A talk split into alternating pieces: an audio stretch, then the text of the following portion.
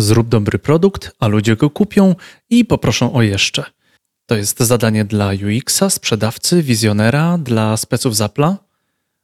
Co to jest UX, User Experience, i jak się go robi? Nie tylko cyfrowo. Escola Mobile. Biznes masz w kieszeni. Czy kluczem do sukcesu produktu jest to, że łatwo się go używa, no i ogólnie jest fajny? Co to w ogóle znaczy? Nasi goście opowiedzą, jak tworzyć doświadczenia z używania produktu. Padnie kilka terminów, takich jak bezszwowość czy mikroagresja. Gościmy dwóch Wojtków i zaprosiliśmy ich dlatego, że dzielą się wiedzą, czyli spełniają podstawowe wymaganie do nagrania podcastu Escola Mobile. W tworzeniu produktu chodzi o to, aby rozpoznać, jaka jest wartość, którą czerpią z niego odbiorcy. Ale jaką wartość mają komentarze użytkowników? Czy można zatem dostarczyć więcej, jeżeli produkt odgrywa swoją rolę? W połowie rozmowy jeden z Wojtków opowiada, jaki jest pierwszy problem w tworzeniu produktu, który popełnia większość UX designerów w software house'ach. Zapraszamy do wysłuchania podcastu. Wojtek Kutyła, Wojtek Aleksander. Słuchajcie, z nami jest dwóch najbardziej rekomendowanych e, specjalistów od UX-a w Polsce i to rekomendowanych, powiem, e, nie przez byle kogo, bo przez moją żonę. A moja żona była chyba na 10 szkoleniach UX-owych w zeszłym roku. E, I to jest bardzo poważna rekomendacja. E, I powiedziała mi, że to są Wojciech Aleksander i Wojciech Kutyła. To są dwaj ludzie, którymi najbardziej warto rozmawiać o UX-ie. I chcę jeszcze nawiązać do jednej rzeczy. W poprzednim odcinku Escola Mobile rozmawialiśmy o inwestowaniu. Naszym gościem był Borys Musielak z coś, co się tam przejawiało, to że dzisiaj, żeby produkt się przebił na rynku, no to musi być właśnie. Naprawdę dzisiejszy odcinek o tym UX-ie, który może dla niektórych wydawać się trochę bardziej skomplikowanym zjawiskiem, chciałbym porozmawiać o fajności, o tym, czym jest fajny produkt, przede wszystkim fajny produkt mobilny, fajny produkt cyfrowy, fajny produkt, no, czym jest ta fajność, czym jest ta UX-owa fajność i w ogóle czym jest ten UX tak dla. Coś jest fajne, kiedy nas nie denerwuje. Coś jest fajne, kiedy po prostu działa i pozwala nam rozwiązywać problemy, które mamy. I to niekoniecznie musi być produkt cyfrowy, bo to może być też usługa albo cokolwiek innego, co pozwala nam zaadresować jakiś niedostatek. Um, I wydaje mi się, że to jest chyba najprostsza definicja tego, czym jest UX. UX to user experience, czyli doświadczenie użytkownika, użytkownika końcowego jakiejś usługi albo produktu. I od tego trzeba by zacząć, a dalej to może ktoś coś dopowie. Wojciech Aleksander, czym dla Ciebie jest UX? UX. Zaczęło się od tej fajności. Ja na przykład mm, sobie myślę o tej fajności na dwóch poziomach. E, na poziomie niezauważalnym i na poziomie mocno zauważalnym, bo to, bo to mm, często właśnie jak rozmawiasz albo podsłuchujesz ludzi podczas badań czy takich e, partyzanckich wypraw, jak rozmawiają o technologii, to mówią, że coś jest fajne, bo, bo właśnie mogą coś robić. E, te zadania, które sobie wymyślili, że chcą zrobić, osiągać swoje cele, i aplikacja nie przeszkadza im w tym w żaden sposób. E, I mówią, to jest taka fajna, ja tam tylko klikam i to się dzieje. A jest drugi ten poziom fajności, tej taki, taki podbity, gdzie gdzie pojawiają się jakieś żarciki, smaczki, obrazeczki, tak zwane jakieś e, tujówdzie, mikrointerakcje, coś, coś takiego, co przykuwa uwagę i jakby e, troszeczkę wzmacnia tak różne pozytywne emocje, e, bo, bo to, co Wojtek powiedział, e, stres, jakby to jest chyba taka, taka pierwsza emocja, z którą ja kojarzę, jeżeli, którą chciałbym wyeliminować ze ścieżki swoich e, użytkowników i klientów, żeby, żeby to się nie działo e, na różne sposoby, e, ale na pewno, żeby tego nie było. Mi się wydaje, że fajn, fajn, warto podkreślić, że fajność to jest po pierwsze taka bezszwowość, że to idzie bezbłędnie, że jesteśmy w stanie łatwo dojrzeć od punktu A do B, ale jest jeszcze level wyżej, czyli jakby, że coś jeszcze daje nam wartość dodaną, coś nas pozytywnie zaskakuje. Co mam na myśli? E, choćby paczkomaty, tak? Jakby jestem, wiadomo, chcę odebrać paczkę, koniec. To mogła być zwykła, zwykła aplikacja jak każda inna, ale ona daje ci jeszcze takie hej, dobrego dnia, tam szybko odebrałeś paczkę, jakieś takie rzeczy, które są nie mają znaczenia w samej usłudze, ale sprawiają, że jakby to się staje experience. Właśnie słowo experience, to doświadczenie e, zaczyna nabierać znaczenia. Takie to jest jeden z przykładów, który od razu mi przychodzi do głowy. Wojtek, uzupełniaj. No, ja nie do końca zgodziłbym się z tym, że mm, ten experience zaczyna istnieć, to doświadczenie zaczyna istnieć dopiero w momencie, kiedy jakoś się tam słodzimy, czy, czy dodajemy coś fajnego, bo ja lubię mówić moim klientom, że doświadczenie jest zawsze obecne i będzie albo złe, albo dobre.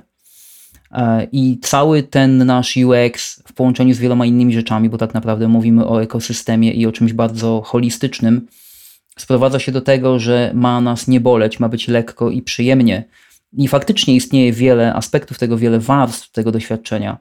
Tylko, że nie jest to do końca tak, że dopiero od pewnego poziomu, dopiero od pewnego poziomu zaczyna się coś fajnego. Em, Czasem ta fajność, która w ogóle słowo jest dość dziwne, nie ukrywam, fajność. Czasem ta fajność oznacza, że czegoś nie widać, że czegoś się nie czuje, że nie ma tam żadnych cudów na kiju, ani fajnych etykietek, ani nikt nie mówi do nas wierszem, ani nie chwali nas i nie sprzedaje nam, nie wiem, batonów w czekoladzie, albo nie rozdaje ich za darmo, tylko że po prostu coś działa w takim stopniu, że nie musimy wysilać naszych zmęczonych umysłów, żeby tego użyć. I tak naprawdę te doświadczenia, choć nieświadomie, to cenimy sobie na co dzień najbardziej. Mhm.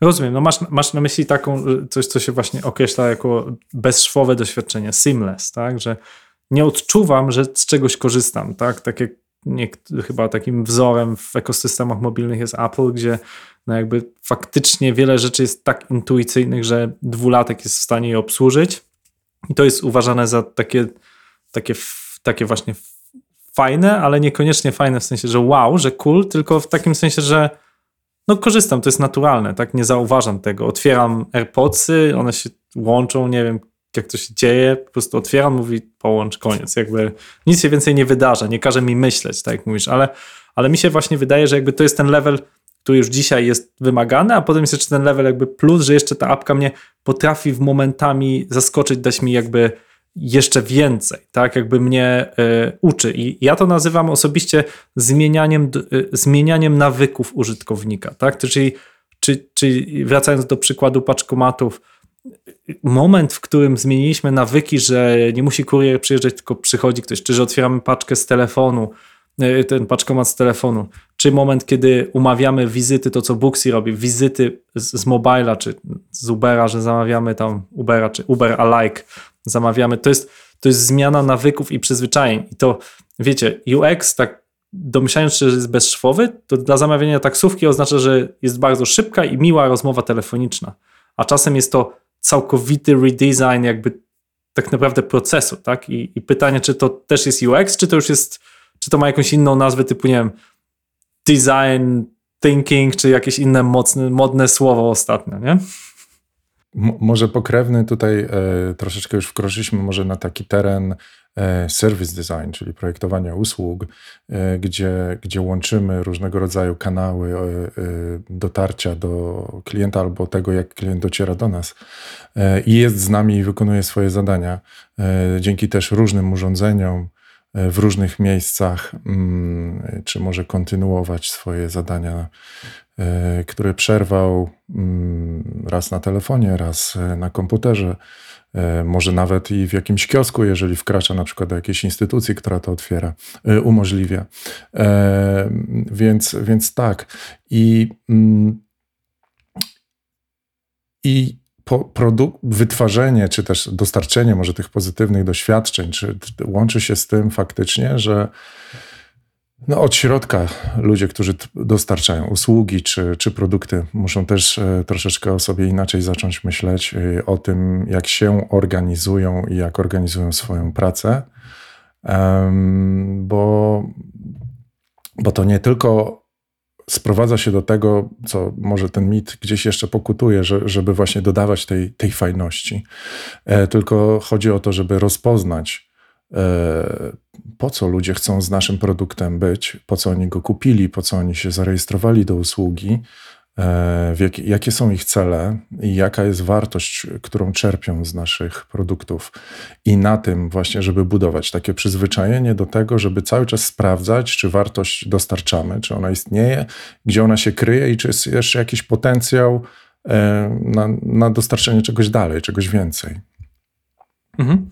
No to tu przechodzimy do mierzalności UX-a, bo czy doświadczeń użytkownika, no bo takie utarte jest doświadczenie, że e, tak, utarte wydaje mi się w, w, w takiej przestrzeni społecznej, że no siedzi jakiś designer, tak, jakiś wymyślacz, siedzi z kartką papieru albo w jakimś programie i coś rysuje, albo te kroki aplikacji, albo wymyśla, jak ma wyglądać właśnie takie pudełko do AirPodsów, czy jakaś tam myszka i on, czy ona tam projektuje i nagle bach, ludzie są zachwyceni, tak, albo potem jest jakiś tam John Ive, który opowiada o tym, jakie to genialnie ktoś zaprojektował.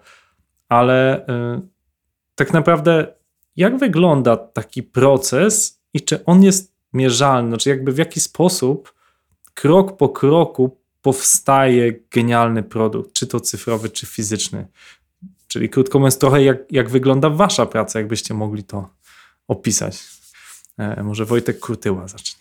Proces na pewno zaczyna się od tego, że próbuje się zrozumieć, jaki prawdziwy problem ma e, klient, użytkownik, e, osoba, dla której ma być produkt czy usługa, bo um, my mamy niestety tendencję jako UX-i, zwłaszcza ci, którzy pracują od niedawna, myśleć ekranami rozwiązaniami od razu. Od razu myśli się strona internetowa, aplikacja, nawet usługa czasem. Tymczasem ja jestem fanem stwierdzenia, które zaszczepił we mnie Jim Kalbach, który mówi, że nobody wants to use your product. Nikt nie chce używać Twojego produktu. Um, I tak jest. My wybieramy produkty nie ze względu na to, że one są fajne i cool, to znaczy tak nam się wydaje, ale wybieramy je dlatego, że one wypełniają pewne konkretne funkcje, odpowiadają na problemy, które mamy. I często jest tak, że kiedy na rynku pojawi się produkt, który lepiej będzie odpowiadał na tą konkretną potrzebę czy na konkretny problem, to my natychmiast do niego przejdziemy, bez w ogóle zastanowienia nawet, po prostu, żeby tylko lepiej odpowiedzieć na swoją potrzebę. Więc u podstaw rozumowania E, projektantów e, leży próba pojęcia tego, jaki problem właśnie ma użytkownik ich produktu czy usługi. No i potem na podstawie tych rozkminek powstają te produkty w procesie, który może być kierowany przeróżnymi metodologiami. Tu jest ich bardzo dużo, wspomniałeś o design thinking, ale to nie jest jedyna, tych metodologii jest naprawdę bardzo dużo. I w tym procesie, oprócz tego, że produkt powstaje i jest aktywnie tworzony, jest on również walidowany, czyli sprawdzany a przynajmniej tak powinno być w większości przypadków, bo naturalnym jest, że e, często tak się niestety nie dzieje i robimy to za późno. Ale kiedy sprawdzimy, jak to, co produkujemy, wypełnia założenia naszych użytkowników, e, sprawdza się dla nich, jak rozwiązuje ich problemy i uzyskamy informację o tym, że faktycznie przynosi to zamierzony efekt, to robi się już całkiem nieźle. A co do mierzenia UX, do, do jakichś e, mierzalnych parametrów, to y, różnie to bywa z tym i do tej pory ludziska często przekomarzają się mówiąc, że UX ciężko zmierzyć i tak dalej, ale tak naprawdę jest go dość łatwo zmierzyć, bo można po prostu zmierzyć jakość końcowego doświadczenia. Niestety artefaktem z metodologii software development, takich jak Agile na przykład, jest myślenie o e, produktach w kategorii ekranów właśnie i dostarczonej funkcjonalności, tylko że mierzenie jakiejkolwiek wydajności, wydajności na tej podstawie jest raczej, i w sumie dobrze się przejęzyczyłem, mierzeniem wydalności albo wydalniczości, a nie praktycznej wydajności. Więc z perspektywy mierzenia tego, jak UX się sprawdza, sprawdzenie, czy też zmierzenie, czy zweryfikowanie jakości E, zadowolenia, czy też poziomu zadowolenia użytkownika końcowego najczęściej e, przynosi najlepsze efekty po prostu. I oczywiście skorelowanie tego z odpowiednio ustawionymi celami biznesowymi, bo tutaj pojawia się kolejny problem, czyli to, że organizacje nie potrafią mierzyć swoich własnych założeń i przyklejają się do kretyńskich metryk, które najczęściej nie mają zupełnie sensu. Ale to jest temat na zupełnie inną rozmowę. Wrócimy do tych, do tych metryk właśnie, jak, to, jak mierzy się mm, ten UX, bo chciałbym ten temat pogłębić. Wojtek, czy jeszcze coś uzupełnisz w kwestii hmm, tego, jak wygląda Twoja praca? Znaczy, jakby opowiedz, jak wygląda Twoja praca, tak naprawdę, jak, jak wygląda to projektowanie? Czy robisz też ekrany na kilogramy, czy niekoniecznie? E, nie, ekrany na kilogramy e, nie. Mam nadzieję, że to, e, to podejście już w ogóle gdzieś zniknie, ponieważ tak, nie ma chyba reguły, wiadomo, trzeba to powiedzieć w końcu też w tym podcaście. Zawsze odpowiedź na wszystkie pytania brzmi: to zależy. Więc, więc te, te, ta liczba ekranów czasami wcale mniejsza, a wręcz przeciwnie, zwiększenie ich y, to mm, y, y, wspomaga użytkowników i daje lepsze rezultaty. E, Niekoniecznie chodzi o to, żeby ich było jak najmniej. To, to nie o to chodzi. To chodzi o to właśnie, jak to działa w ścieżce e, użytkowników, w ścieżce klientów i myślę, że to pojęcie tej ścieżki i tego rozumienia, e, gdzie tam klient z nami się styka, a gdzie my mamy szansę zadziałać i ich wspomóc.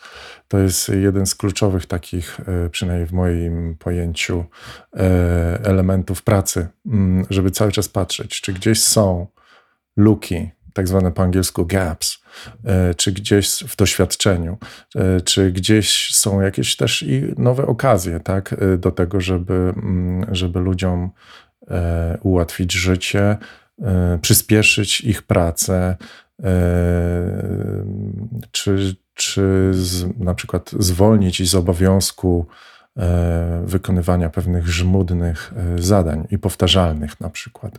E, No, technologia już e, właściwie po to została stworzona, nie zawsze po to ją e, e, organizacje zatrudniają. Właśnie czasami wolą zamienić e, naszą nasze selfie w, w emoji kupy czy, czy, czy jakiegoś osiołka, e, zamiast właśnie gdzieś tą parę e, swoich designerów i deweloperów em, przemienić e, no, w jakieś bardziej miarodajne e, rezultaty.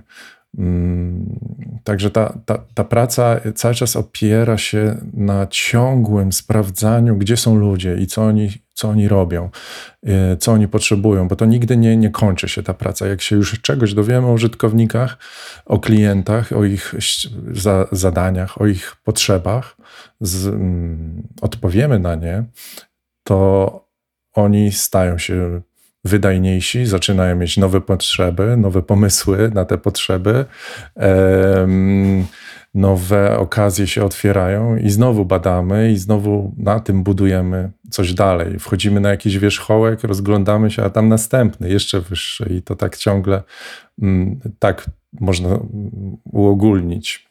Jak mamy trochę tych aplikacji w sklepach, czy, czy, czy, czy mamy dwie aplikacje jakieś bankowe, mamy aplikację Radio 357, ostatnio dużo pobrań miała, no to to, co przede wszystkim robimy, to czytamy, co ludzie piszą w sklepach. Tak, no bo ludzie jak już coś chcą napisać, nawet jak są jakoś tam zachęcani, no to albo napiszą o wszystko fajnie, pozdrawiam, albo napiszą, no czegoś mi tam brakuje i tam wskazują, nie wiem, żeby to grało w aucie to radio, żeby e, nie wiem, było więcej podcastów, żeby jakoś była jeszcze jedna zakładka.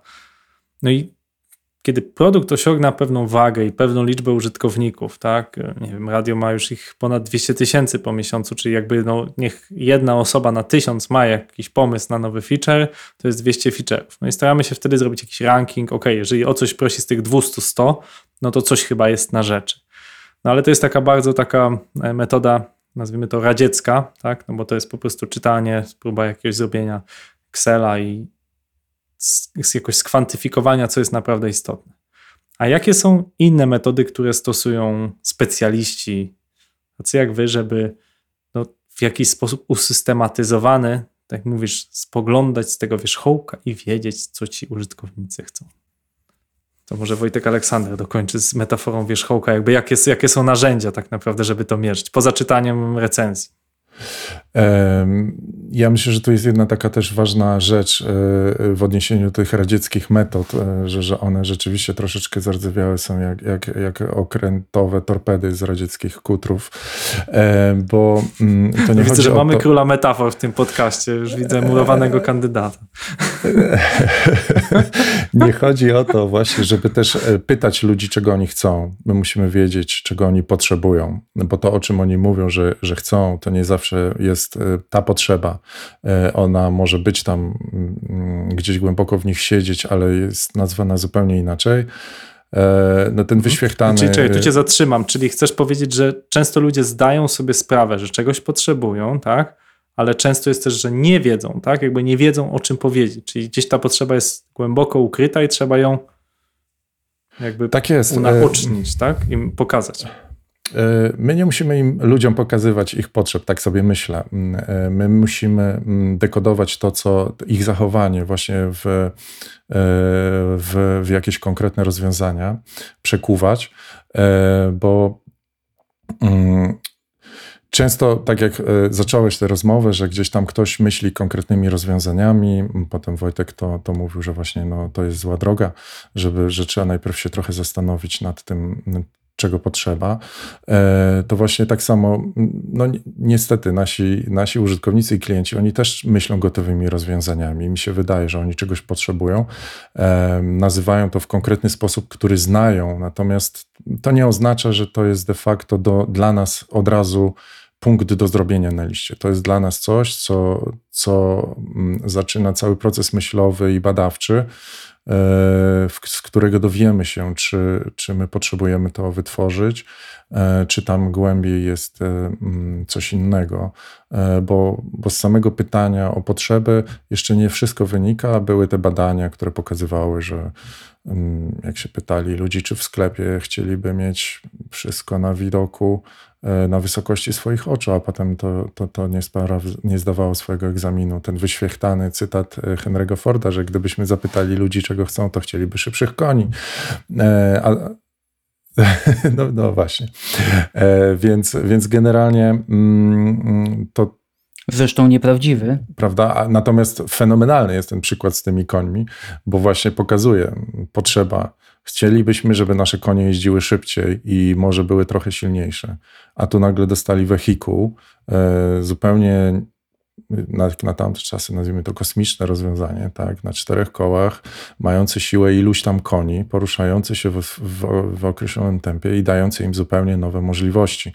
E, więc, a, a bez konieczności przebranżawiania się, tak, ale wręcz przeciwnie, można było budować nowe gałęzie biznesu dzięki temu.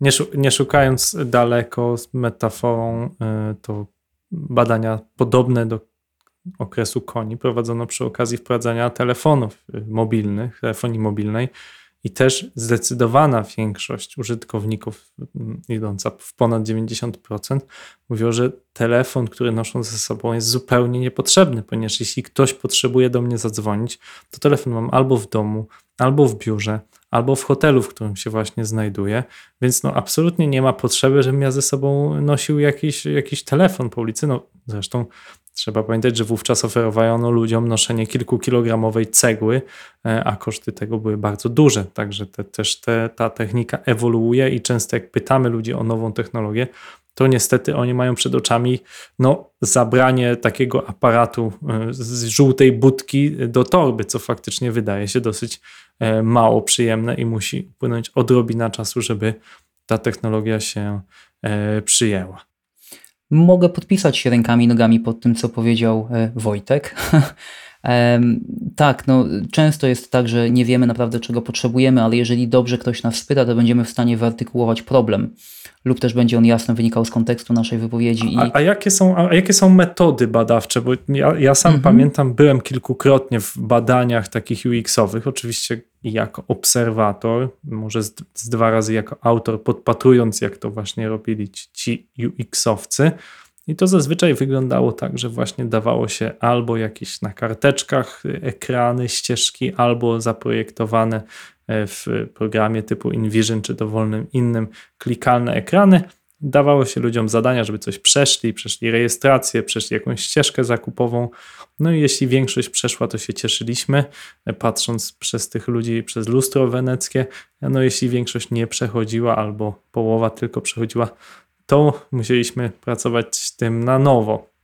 E, Ale wydaje mi się, że to nie jest jedyny sposób i są dużo pewnie efektywniejsze metody. Jak, jak robi się takie badania, jakie są metody badawcze, e, gdzie by właśnie od tego użytkownika się dowiedzieć, jak zaprojektować taki perfekcyjny produkt. Metody badawcze różnią się w zależności od etapu procesu, na którym się je używa. Um, I jest tak, że ogólnie u ich podłoża leży jakaś forma wywiadu najczęściej. Ten wywiad może sprowadzać się do takiego pogłębionego wywiadu, w którym zadajemy pytania potencjalnemu użytkownikowi czy klientowi, które mm, dotykają źródła jego problemu i staramy się zrozumieć, em, jaki ten problem jest, bez sugerowania odpowiedzi na ten problem. Takich metod używa się na etapie discovery, czyli na etapie próby mm, zrozumienia właśnie tych, tych podstaw projektowych, zdefiniowania tych podstaw projektowych. Ale można również y, robić to, o czym Ty wspomniałeś, czyli badania samych y, interfejsów, badania użyteczności, w których prosimy partycypantów o skorzystanie z produktu lub usługi, ale częściej produktu w tym kontekście cyfrowym. E, i obserwujemy, jak wygląda ich interakcja z tym produktem, żeby zauważyć rzeczy, które nie wychodzą im lub które w jakiś sposób są problemy, które są powodowane przez niewłaściwość funkcjonowania tego interfejsu. Ale to nie są jedyne dwie metody badawcze, jest ich bardzo, bardzo dużo. Niektóre wywodzą się na przykład z etnografii, jeszcze inne opierają się o działania analityczne, bo w UX, jak właściwie w każdej innej domenie cyfrowej, masz um, kombinować, powinniśmy kombinować badania jakościowe z ilościowymi, tylko wtedy otrzymujemy pełny obraz zagadnienia. Także no, repertuar jest olbrzymi, jednak powiedziałbym, że jeżeli coś te wszystkie metody łączy, to jest to, że staramy się dojść jak najbliżej um, zachowań e, poprzez jakąś tam formę obserwacji, a już kontekst co do tego, ile osób angażujemy w badanie albo jak to wygląda od strony technicznej, jest osadzony w projekcie, bezpośrednio w projekcie i determinowany przez to, co właściwie, czego właściwie chcemy się dowiedzieć, bo, bo to jest podstawowe pytanie, które właściwie zaczyna myślenie o badaniach e, w UX, mianowicie czego właściwie chcemy się dowiedzieć, na jakie pytanie próbujemy sobie odpowiedzieć, ponieważ dokładnie tak samo jak nasi potencjalni użytkownicy lub też mm, istniejący użytkownicy, musimy dobrze e, podchodzić do tematu i, i, próbować zadawać sobie właściwe pytania w tym procesie badawczym. No dobrze, ale jeżeli zadajemy właściwe pytania, to czy dostaniemy właściwe odpowiedzi? Ponieważ no, nauka zna bardzo dużo takich skrzywień, takich mm, odchyleń, które są powodowane właśnie, że ludzie o sobie zawsze lepiej myślą niż faktycznie są. Na przykład 70% osób twierdzi, że są lepszymi kierowcami niż przeciętne. E, wiele osób twierdzi, że właśnie w przyszłym roku zadbają o swoją formę. To znaczy, domyślam się, że specjaliści, jakimi wy jesteście, umieją zadawać te pytania w dobry sposób, więc chciałbym posłuchać, jakie są triki i sposoby, żeby te pytania w dobry sposób e, zadać. Król metafor Wojtek, Wojtek Aleksander. To jest, e, to jest w sumie bardzo ważna kwestia. Mm, to, to tak samo się łączy z tym pytaniem, o, czy pozornym pytaniem o to, czego chcą ludzie, to jakby też właśnie jaki problem rozwiązujemy. E, nie zawsze w organizacji mamy mm, taką też świadomość który problem jest właściwy, czy one są dobrze zidentyfikowane i nazwane. E, czasami gdzieś mm, jakaś może szybka wizja zysku e, przesłania te, te lepsze rozwiązania, e, które natomiast myślę, że jednym z takich na, najbardziej, że się tak wyrażę, topowych rozwiązań obecnie mm, dochodzenia do, do tych pytań, które należy rozwiązać, tych kwestii, które należy rozwiązać, to jest metoda design sprint, gdzie, gdzie właśnie w jakiś określony, w miarę szybki sposób e, próbuje się dojść do tego, które opcje E, tam się nie, de facto nie szuka y, konkretnego rozwiązania, tylko właśnie celem rzeczywistym tego, tej metody jest to, żeby dojść, który problem rozwiązać, wybrać, który problem jest do rozwiązania z takich, które różni interesariusze zidentyfikowali i chcą rozwiązać. Może nawet mają już jakieś zaczątki rozwiązania. Y, natomiast właśnie w tej, w tej w wyniku takiego warsztatowania mm, można, można sobie pewne rzeczy poukładać. Mhm. A jakbyś mógł e, opisać jakby taki design sprint, ok, to chcemy, jakby jak on trwa, jakby jak to, jestem ciekaw waszych doświadczeń z obserwacji uczestniczącej, bo oczywiście każdy może teraz wejść, zobaczyć, wpisać w Google, czym jest taki design sprint. Jakie są wasze odczucia co do tej konkretnie metody, czy właśnie jak coś takiego, takiego działa. Jakbyś mógł opowiedzieć. Inkrementacji, e, czy też wcieleń tego, tej metody jest, jest dość sporo. Ona gdzieś tam zaczęła się od takiego pięciodniowego, pięciodniowego mm, właśnie sprintu, który stąd zyskał swoją nazwę, że, że w pięć dni na koniec y, mamy jakieś rozwiązanie.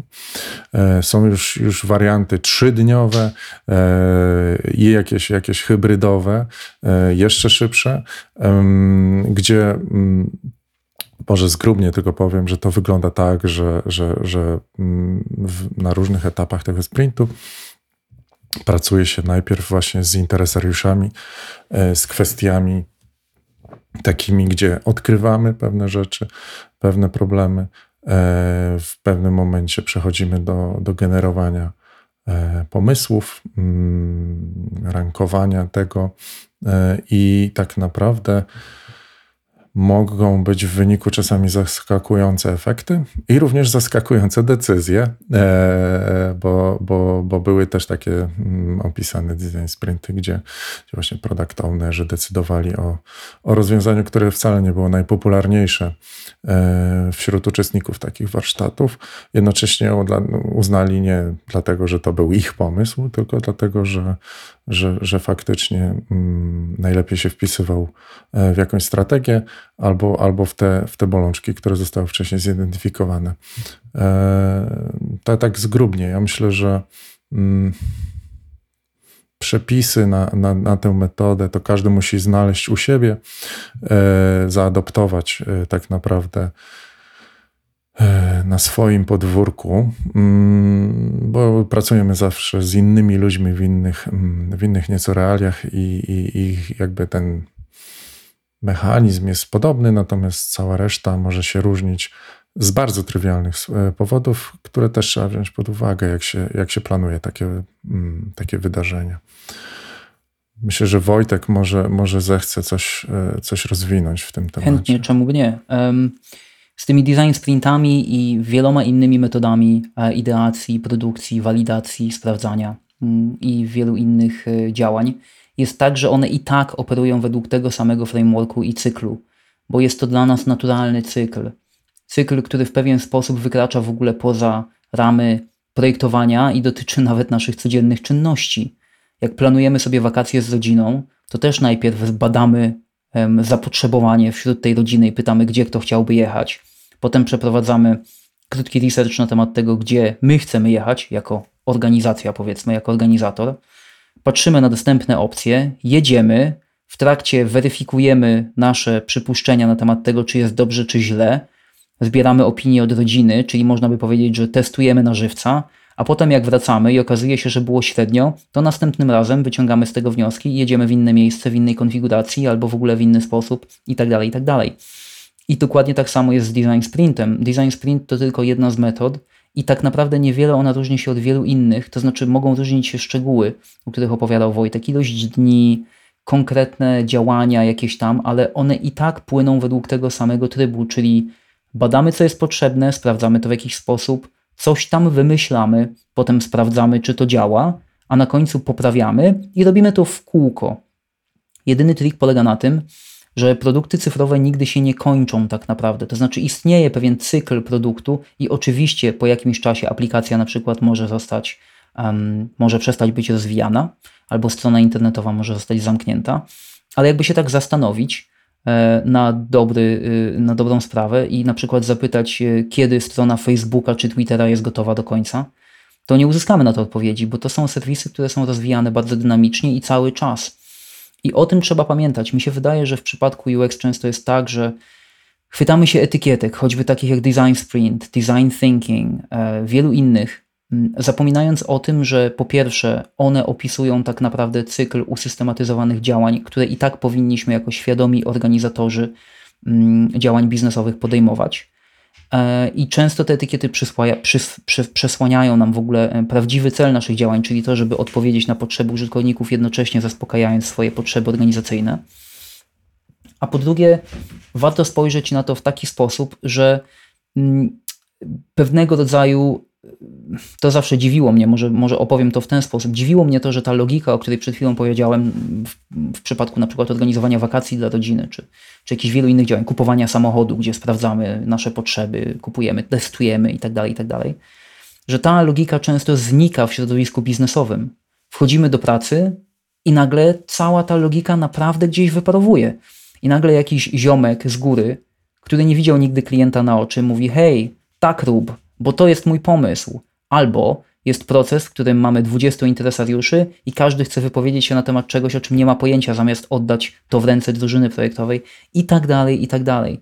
Więc jest to dość zadziwiające, ale to już są tematy związane z neoliberalnym kapitalizmem i wieloma innymi rzeczami, które obecnie nie działają. Także tego nie będziemy się trzymać. Chodzi tylko o to, że tak naprawdę proces myślowy jest wspólny dla wielu dziedzin projektowania, nawet jeżeli nie taki sam, a różni się to wszystko tylko poszczególnymi metodami. Na końcu powinniśmy osiągnąć bardzo podobny efekt.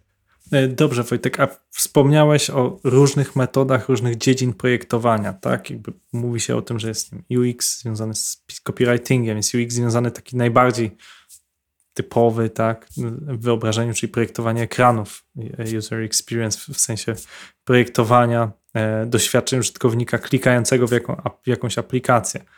Jakie jeszcze są rodzaje UX designerów, czy, czy szerzej designerów w ogóle produktów cyfrowych, bo na, na nich się skupiamy, które warto wziąć pod uwagę przy tworzeniu właśnie produktu cyfrowego. Gdzie, czyli mając nieograniczone środki, nieograniczone zasoby i chcąc stworzyć naprawdę coś, coś wow, jakie stanowiska warto zaplanować w takim projekcie? Kogo trzeba e, włączyć w taki projekt? E, kto może pomóc? Na pewno, tak jak wspomniałeś, wartość dobrego copywritingu jest nie do przecenienia, to oczywiste i coraz więcej jest UX writerów. Jednym z nich jest chociażby mój drogi kolega Wojtek Aleksander, e, bardzo dobrym zresztą copywriterem jest.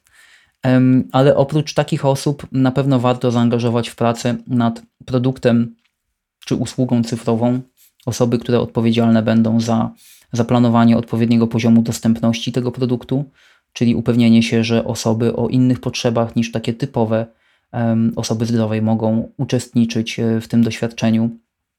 Na pewno warto też upewnić się, że mamy na e, pokładzie jakiś personel techniczny, ponieważ e, mimo, że technologia choć brzmi to kontrowersyjnie, jest najprostszym elementem całej tej układanki, to jest to jednak potężne zagadnienie i wymaga naprawdę e, złożonej ekspertyzy, więc taki ktoś też powinien być włączony w projekt.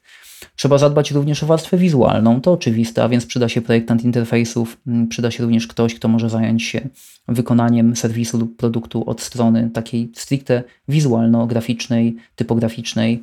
Na pewno przyda się również ktoś, kto zajmuje się analityką biznesową, po to, żeby móc pomóc ustawić odpowiednie cele mierzalności. No i do tego można by wymieniać i wymieniać, e, kogo tu jeszcze brakuje tak na szybko. Wydaje mi się, że na pewno przydałby się ktoś, kto zajmuje się marketingiem. I to jest na przykład błąd, którego często, e, który często widzę e, w, w organizacjach, które próbują wypromować czy wyprodukować jakiś produkt czyli to, że dział marketingu jest oddzielony od procesu projektowego i pojawia się w nim tylko po to, żeby coś zaopiniować, ewentualnie klepnąć albo wyrzucić do śmieci i powiedzieć wszystkim, że zrobili złą robotę. Podczas gdy ta ekspertyza jest konieczna do wykonania dobrej e, pracy. E, tutaj raz jeszcze odwołam się do tego, o czym wspomniałem na początku, że doświadczenie budowane jest przez każdą osobę zaangażowaną w tworzenie produktu. Czyli na swój sposób każda osoba, która jakiś tam E, jakimś tam palcem dotyka tego produktu na dowolnym etapie jego istnienia, czy to programista, czy to CEO organizacji, czy, czy grafik, czy też ten e, UX researcher, czy product designer, to wszystko są projektanci doświadczeń. Każdy w organizacji jest projektantem doświadczenia klienckiego i dopóki to rozumienie nie przebije się i jakby tak nie rozleje się po całej organizacji, to będzie bardzo trudno stworzyć dobry produkt, bo to jest doświadczenie holistyczne. Żeby dać przykład tego, można wyobrazić sobie apkę na przykład, która coś tam robi fajnego i nawet jako tako działa, ale yy, powiedzmy dział obsługi klienta, czy to mailowy, czy telefoniczny, jest potworny i nie, nie potrafi pomóc nikomu albo po prostu nie ma go w ogóle. No i co się dzieje w tym momencie? Taka usługa leży. Albo na przykład ktoś projektuje sklep internetowy i ma tam bardzo fajne towary i w ogóle sam sklep jest wygodny w użyciu, ale kurier, firma kurierska, której używa, jest kompletnie mm, niegodna, że się tak wyrażę, nie dowozi materiału na czas, nie dowozi przesyłek. No i w takiej sytuacji co się okazuje? Biznes leży, ponieważ e, ja na przykład nie kupię więcej w sklepie, który mimo, że ma fajne towary, nie potrafi dowieść mi materiału na czas, bo Pamiętajmy o tym, że jak patrzymy na konkretny produkt, to patrzymy na niego właśnie tak dość holistycznie, jak ekosystem. postrzegamy go jako ekosystem, który ma rozwiązywać nasz problem. Tak więc, y, sumaryzując, zaangażowanie powinno właściwie nastąpić od, od, wszystkich specjalistów, którzy w jakiś sposób stoją na drodze do dostarczenia produktu lub usługi. Tylko wtedy można mówić o pełni doświadczenia. Wa ważną rzecz powiedziałeś, czyli że jakby klient patrzy na całość doświadczeń. Jeżeli zamówił na, e, nie wiem, na Allegro e, słuchawki jakieś nauszne, jakie ja mam teraz, to będzie patrzył na to, jakby, czy obsługa Allegro dobrze się wyklikała, czy szybko towar przyszedł, czy sprzedający faktycznie dowiózł to, co chciałem i czy sama marka słuchawek jakby mi odpowiadała. Jeśli cokolwiek z tego zawiedzie, to będę na wszystkich rozlewał, a, a szczególnie na Allegro, gdzie jakby byłaby ten, ten zakup, będę rozlewał swoje niezadowolenie, tak? a może jeszcze szerzej. E, więc faktycznie to jest, to jest w interesie wszystkich, żeby e, całość działała. Stąd myślę, nie przypadkiem Apple od początku miał taką obsesję, żeby kontrolować jakby cały łańcuch dostaw, cały ekosystem właśnie od oglądania tego na stronie przez zakup w ich sklepach, a nie w sklepach innych, czy zawsze każe oddzielać na półkach. Jak zwrócicie uwagę, e, to produkty Apple zawsze są wydzielone od innych, żeby przypadkiem nie zmieszały się z doświadczeniem e, innych, innych produktów. E, Wojtek, było, było powiedziane, że jesteś, że jesteś pisarzem UX-owym co tak naprawdę charakteryzuje to, to się wszystko UX Content Writer, bardzo to po polsku brzmi. Co, czym jest Twoja praca i jakby jaki jest Twój warsztat, że e, no, jesteś tak ceniony na rynku? Przyznaj się. Najważniejszym chyba orężem tutaj jest e, tłumaczenie z trudnego na prosty. E, to tak w skrócie, mm, bo UX writing, czy też pisanie mm, w komunikatów, które, które ludzie mają w, e, w produktach, e, jest nieco inne niż, niż wszelkie inne odmiany e, tego tak zwanego copywritingu, ponieważ cel jest też inny. Chodzi o to, żeby ludzie Mm, mogli swoje zadania wykonywać. Zresztą to, to jest ten sam cel, jak, jaki przyświecał UX-owi, dlatego ten UX na początku tej nazwy tam jest. Dla mnie chyba królem, królem, królem UX writingu jest, była taka książka e, Janiny e, na temat statystyki i Paweł Tkaczyk powiedział kup teraz. E, Janina napisała książkę kup, kupią. To był chyba mistrz UX content writingu, przekazania message'u, przekazania wiadomości takiej, jaką oczekiwałby kupujący. Po prostu kupią. E, to jest e, może taka perswazja bardziej niż, e, niż, niż UX writing. E, UX writing następuje potem, wtedy, gdy kupujesz. E, e, do, dopóki podejmujesz decyzję i, i gdzieś mm, jeszcze nie jesteś klientem, to myślę, że, że działają właśnie nieco inne metody i e, umiejętności innych e, ludzi. Natomiast kiedy już przystępujesz do działania z, z jakimś konkretnym produktem, firmą, mm, czy choćby i koszykiem, e, to tam już, już jesteś w trybie zadaniowym i tam te słowa, które cię prowadzą, to, to jest ta robota. I właśnie tam słowa są ważne, bo one cię prowadzą. Jeżeli zabraknie jakichś słów, jakiegoś, jakichś podpowiedzi, jesteś, robisz coś wolniej, albo przestajesz to robić, bo nie rozumiesz, dokąd dotarłeś. Jeżeli tych słów jest z kolei zbyt wiele, to brniesz w jakimś gąszczu, jak rycerz do śpiącej królewny przebijający się przez te stuletnie róże.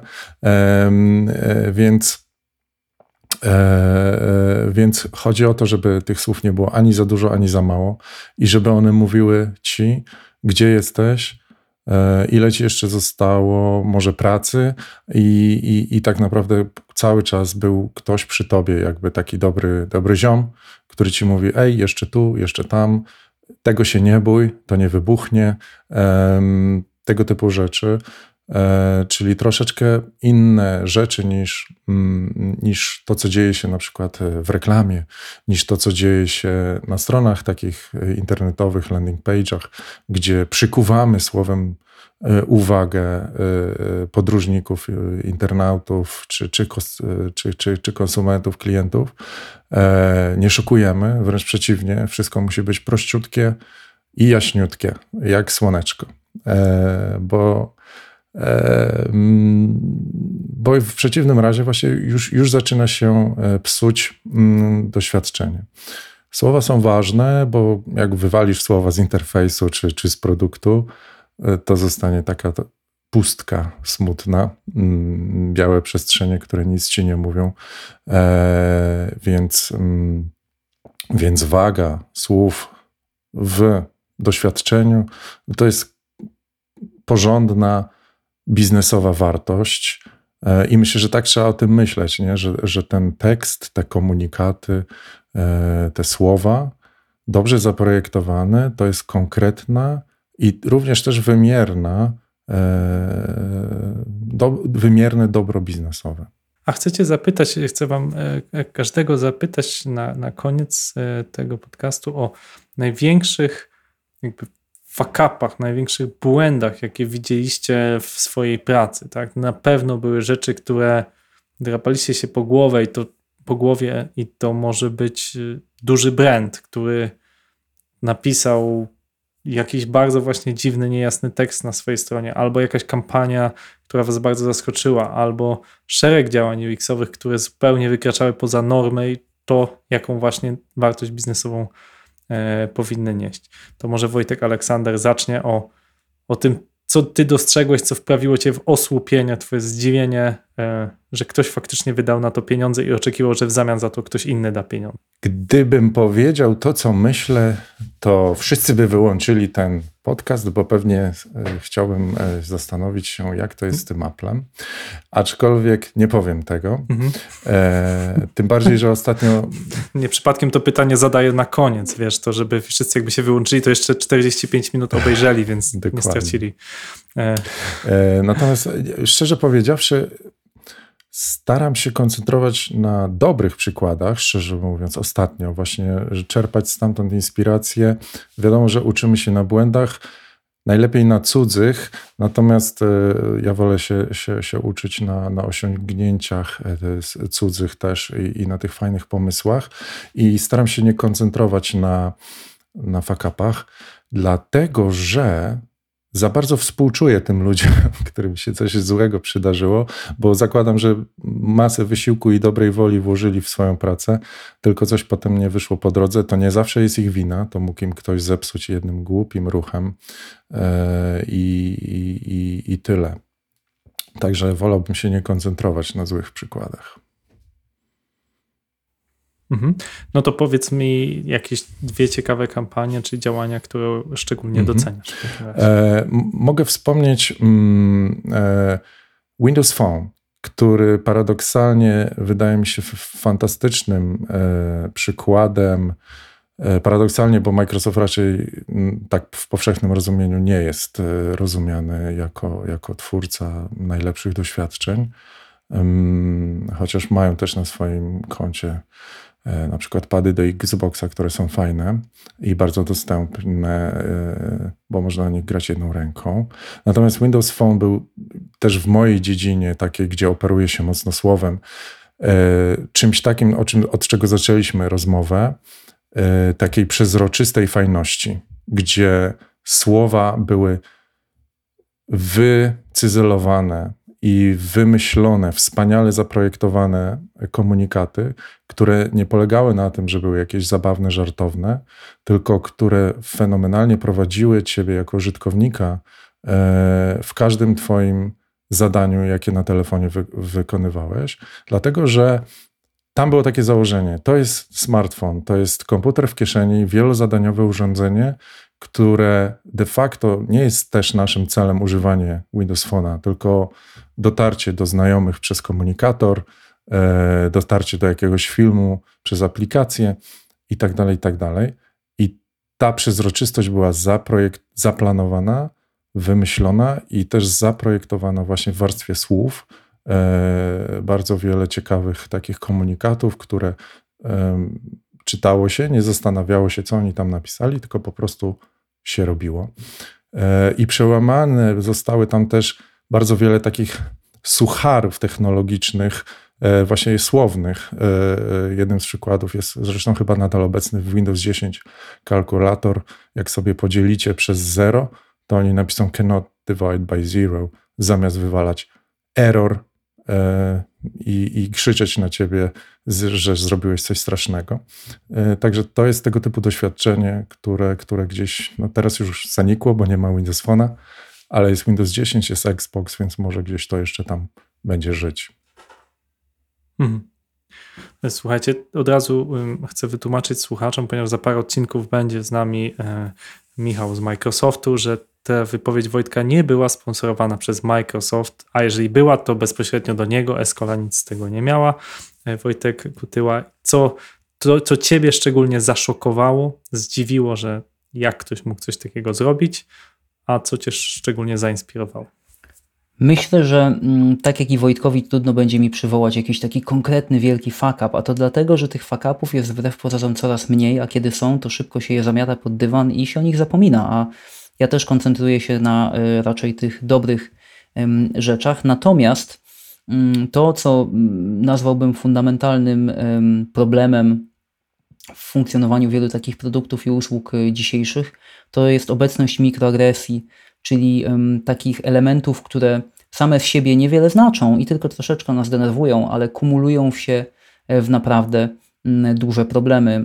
I to mogą być na przykład y, kłopoty, które mają osoby żyjące z niepełnosprawnościami, z używaniem serwisów czy produktów, które powinny być dla nich dostępne, albo to, że my na przykład, y, osoby, które nie potrzebują technologii dostępności na co dzień poza klawiaturą i myszą, bo to też technologie dostępności, E, napotykamy mm, w sieci takie małe, małe, ekstremalnie wkurzające rzeczy, jak na przykład na ekranie małego telefonu wyskakujący pop-up o ciasteczkach cookies blokujący nam dostęp do strony, albo jakieś takie inne maleństwa, e, czy na przykład y, osoby, które identyfikują się y, inaczej niż y, typowy mężczyzna, kobieta, nie mogą wybrać odpowiedniej e, opcji z pól e, selekcji płci i tak dalej. To są mikroagresje, ponieważ one generalnie nie powodują jakichś naszych większych problemów, można je najczęściej obejść, ale kiedy ktoś jest wystawiony na nie ciągle, a jesteśmy na nie wszyscy ciągle wystawieni, to rośnie nasza frustracja z użycia jakiegoś produktu. E, dla mnie przykładem takich mikroagresji jest system Android, E, którego używałem przez lata, mm, który jest pełen rozwiązań denerwujących mnie osobiście, więc może tak nie być dla innych osób. Mm, I, i, i tego rodzaju właśnie rzeczy e, powodują, że, że gdzieś tam osiągamy poziom krytyczny i mówimy, nie, no dobra, wystarczy, już muszę czegoś innego spróbować.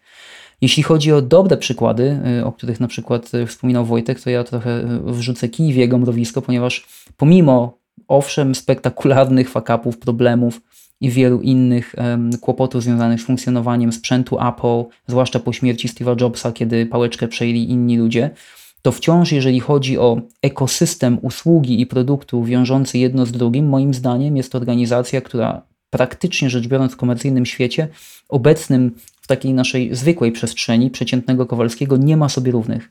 Mm, I świadczy o tym milion faktów, chociażby to, że chociażby jakość serwisu technicznego, czy też spójność komunikacji w sprzedaży z komunikacją posprzedażową, taka y, płynność systemów przechodzenia jednego z drugiego, z iPhone'a na komputer i odwrotnie i tak dalej, tak można by wymieniać. I faktycznie im też się zdarzają e, poślizgi. Mój e, Apple na przykład po ostatnim update'cie się wiesza co jakiś czas i, i trzeba poczekać aż naprawią ale mimo wszystko całość tego ekosystemu jest moim zdaniem wzorcowa, bezkompromisowo wzorcowa i, i, i często patrzę na to jak na, na dobry przykład, pomimo upływu lat i pomimo tych perturbacji, które wydarzały się po drodze. No dobrze, no to mamy troszeczkę do garnuszka i że Windows jest fajny, nawet Windows Phone wrócił chyba pierwszy raz w Escola Mobile, e, padł w ogóle ten ekosystem, myślałem, że już zapomnieliśmy, ale nie. E, i padło wiele miłych słów o ekosystemie Apple. E, dziwne, że akurat Android nie doczekał się tutaj wielu wspomnień. E, słuchajcie, dziękuję Wam bardzo za bardzo cenne myśli na temat tego, czym dzisiaj jest UX, rady, przykłady. E, Jestem, jestem ciekaw Waszych kolejnych projektów i mam nadzieję, że spotkamy się niedługo, żeby porozmawiać o tym, co ciekawego wytworzyliście i żebyście się o tym pochwalili jeszcze. Dzięki bardzo. Dziękuję za zaproszenie. Escola Mobile. Biznes masz w kieszeni. Dziękujemy za Twój czas i za to, że spędziłeś go z nami. Jeśli w tym podcaście jest coś, co Ci pomogło, co przyniosło wartość, podziel się tym podcastem z innymi. Udostępnij na Facebooku, LinkedInie, Twitterze, opowiedz o nim swoim znajomym. Być może w Twoim otoczeniu są osoby, które interesują się UX-em albo chciałyby poprawić coś w swoim produkcie, nie tylko cyfrowym. Jeśli używasz ekosystemu Apple, wejdź na iTunes, Apple Podcasts, daj nam 5 gwiazdek i fajną recenzję. Im więcej takich recenzji, tym bardziej kocha nas algorytm i tym częściej dzięki Twojej recenzji i gwiazdkom poleca nas innym słuchaczom. W ten sposób pomagasz dzielić się wiedzą. To był 67. odcinek podcastu Escola Mobile. Gościliśmy dwóch Wojtków, Wojtka Kutyłę i Wojtka Aleksandra. Dziękujemy za Twój czas. Do usłyszenia.